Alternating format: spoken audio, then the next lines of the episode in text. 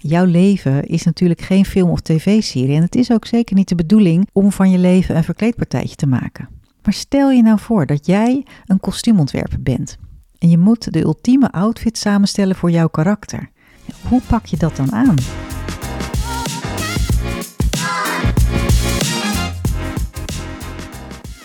Welkom bij de podcast Wat trek je aan?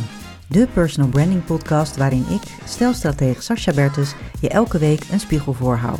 Je kunt de titel van deze podcast heel letterlijk nemen, want kleding is de strategische tool waar ik heel graag mee werk, maar er is meer. In deze podcast neem ik je mee in de geheimen van een succesvolle uitstraling.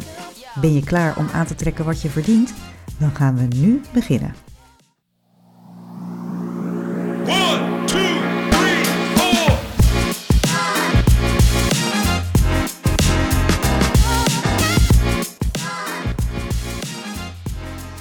Hey, leuk dat je weer luistert. Ik heb een vraagje voor je. Ken je de film The Devil Wears Prada nog? Daarin speelt de actrice Meryl Streep de rol van Miranda Priestley, een invloedrijke hoofdredacteur van een Amerikaans modetijdschrift. Als je nu eens je ogen sluit en je denkt aan Miranda, welk beeld komt er dan in je hoofd op? En welke kenmerken kun je opnoemen als je aan haar denkt? Ik denk dat dit zomaar de kenmerken autoritair en dominant zullen zijn. Want Miranda Priestley is namelijk een veel eisende, autoritaire en dominante vrouw. En ze is enorm perfectionistisch en ze verwacht dat alles zonder tegenspraak tot in de kleinste details geregeld wordt. Maar weet je ook nog hoe ze eruit zag? Was het je opgevallen dat deze kenmerken, dat autoritaire en dat dominante, dat die ook vertaald zijn in haar kleding? En zo had je er waarschijnlijk nog niet naar gekeken. Ja, de kostuumontwerpers van deze film die kozen voor kostuums die de macht en de autoriteit van Miranda extra benadrukken. Denk aan strakke, op maat gemaakte kleding zoals designerjurken, uh, strenge mantelpakken, heel scherp gesneden broekpakken en meestal in donkere kleuren zoals zwart, donkerblauw en grijs en vaak ook in contrast met een mooie witte blouse. Dat geeft haar ook een sterke en formele uitstraling. En tel daar nog eens bij op hele luxe materialen en opvallende details, zoals eh, extra brede schoudervullingen of een grote zonnebril, een bontjas. En daarmee wordt haar imposante personality nog eens extra benadrukt. Je zou dus kunnen zeggen dat de kostuums haar kwaliteiten weerspiegelen. Haar vermogen om te domineren en eh, ook tegelijkertijd haar onwrikbare positie in de mode-industrie. Onbewust beïnvloeden deze kostuums jou als kijker en maken ze dat karakter nog geloofwaardiger. Op, op het moment dat Miranda haar meer kwetsbare kant laat zien, en dan is ze vaak thuis of in een, uh, in een hotelkamer, maar dan zie je ook de omgeving veranderen, maar je ziet ook haar kleding veranderen. Je ziet dat het minder formeel wordt. Denk aan comfortabele truien, uh, losvallende blouses, casual broeken. En ook de kleuren en de materialen die ze draagt, die zijn lichter en zachter. En alles wordt daarmee minder streng en meer ontspannen. En dat geeft haar een meer toegankelijke en ook een meer menselijke uitstraling. Ja, geweldig toch? Hoe kostuumontwerp een karakter vorm kan geven en ook meebeweegt met het verhaal. En dat zie je ook heel vaak gebeuren. Dat gedurende een, een personage ontwikkelt zich en de kleding die, die gaat daarin mee. En dat juiste kostuum, dat maakt niet alleen het personage, maar ook het verhaal geloofwaardiger. Het blijft beter hangen. Je kunt je ook, ik vroeg je net van, kun je een beeld vormen van Miranda? En je kunt het niet meer precies benoemen van, oh, het was uh, zo en zo'n jurk of zo en zo'n broek. Maar je hebt wel een bepaald beeld en een bepaald gevoel erbij. Dat dominante, dat autoritaire, dat blijft hangen. En dat vind ik echt fascinerend, want dat is echt de kwaliteit van een goede kostuumontwerper. En die vertalen dat karakter in dat kostuum. Nou, jouw leven is natuurlijk geen film of tv-serie en het is ook zeker niet de bedoeling om van je leven een verkleedpartijtje te maken. Maar stel je nou voor dat jij een kostuumontwerper bent en je moet de ultieme outfit samenstellen voor jouw karakter. Hoe pak je dat dan aan? En wanneer je als kostuumontwerper naar jezelf kijkt, dan wordt het makkelijker om die verpakking aan te laten sluiten op jou als persoon.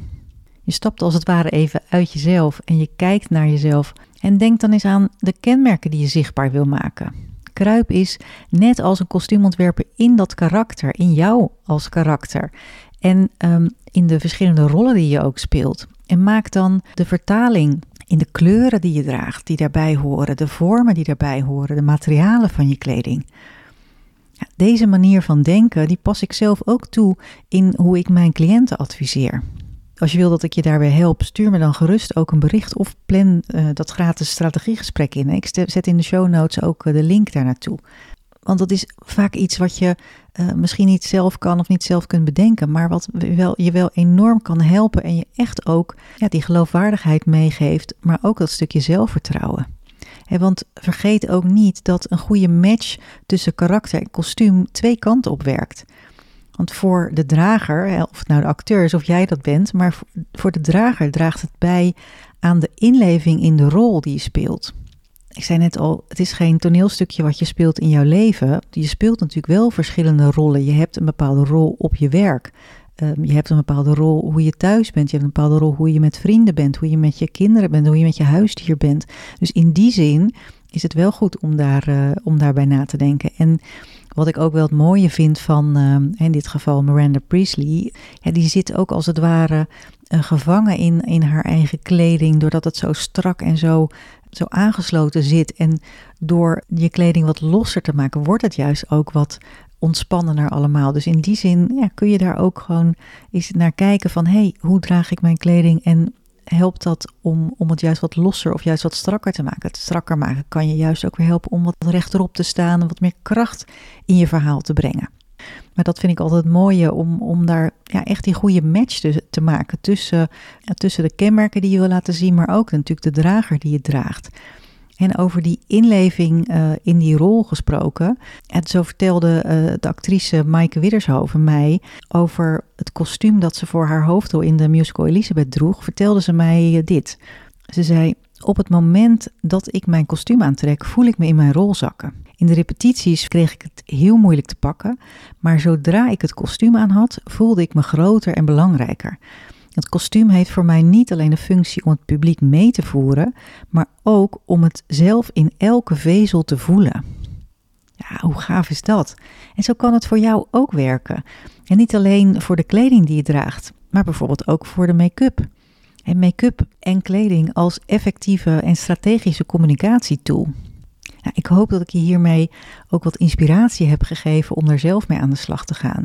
En om ook het gevoel te krijgen voor jezelf uh, welke mogelijkheden het, het heeft om ja, niet alleen aan je verhaal zelf te werken, maar ook aan de verpakking daarvan. Ook aan de vormgeving daarvan, zodat de non-verbale en de verbale communicatie één geheel vormen. En dat het daarmee ook uh, jou als persoon gewoon geloofwaardiger en zelfverzekerder neerzet. Nou, ik had het net al even over make-up als effectieve communicatietool. Daarover ga ik in de podcast van volgende week in gesprek met visagist Gigi Baumer. Ik heb op mijn socials daar al wat over gedeeld, dus misschien heb je het al voorbij zien komen. Maar de, de podcast is al opgenomen, maar ik ga hem nog editen en volgende week uh, hoor je hem terug. Dus ik hoop dat je dan ook weer luistert. Bedankt voor het luisteren deze week en heel graag tot volgende week. Je luisterde naar de podcast Wat trek je aan? Heel fijn dat je er was en ontzettend veel dank voor het luisteren. Wil je nou geen aflevering missen? Klik dan op de volgbutton in je podcast-app. En heb je een vraag of wil je dat ik met je meedenk over jouw appearance? Vraag dan een gratis strategiegesprek aan via de link in de show notes. Heel veel dank en tot de volgende keer.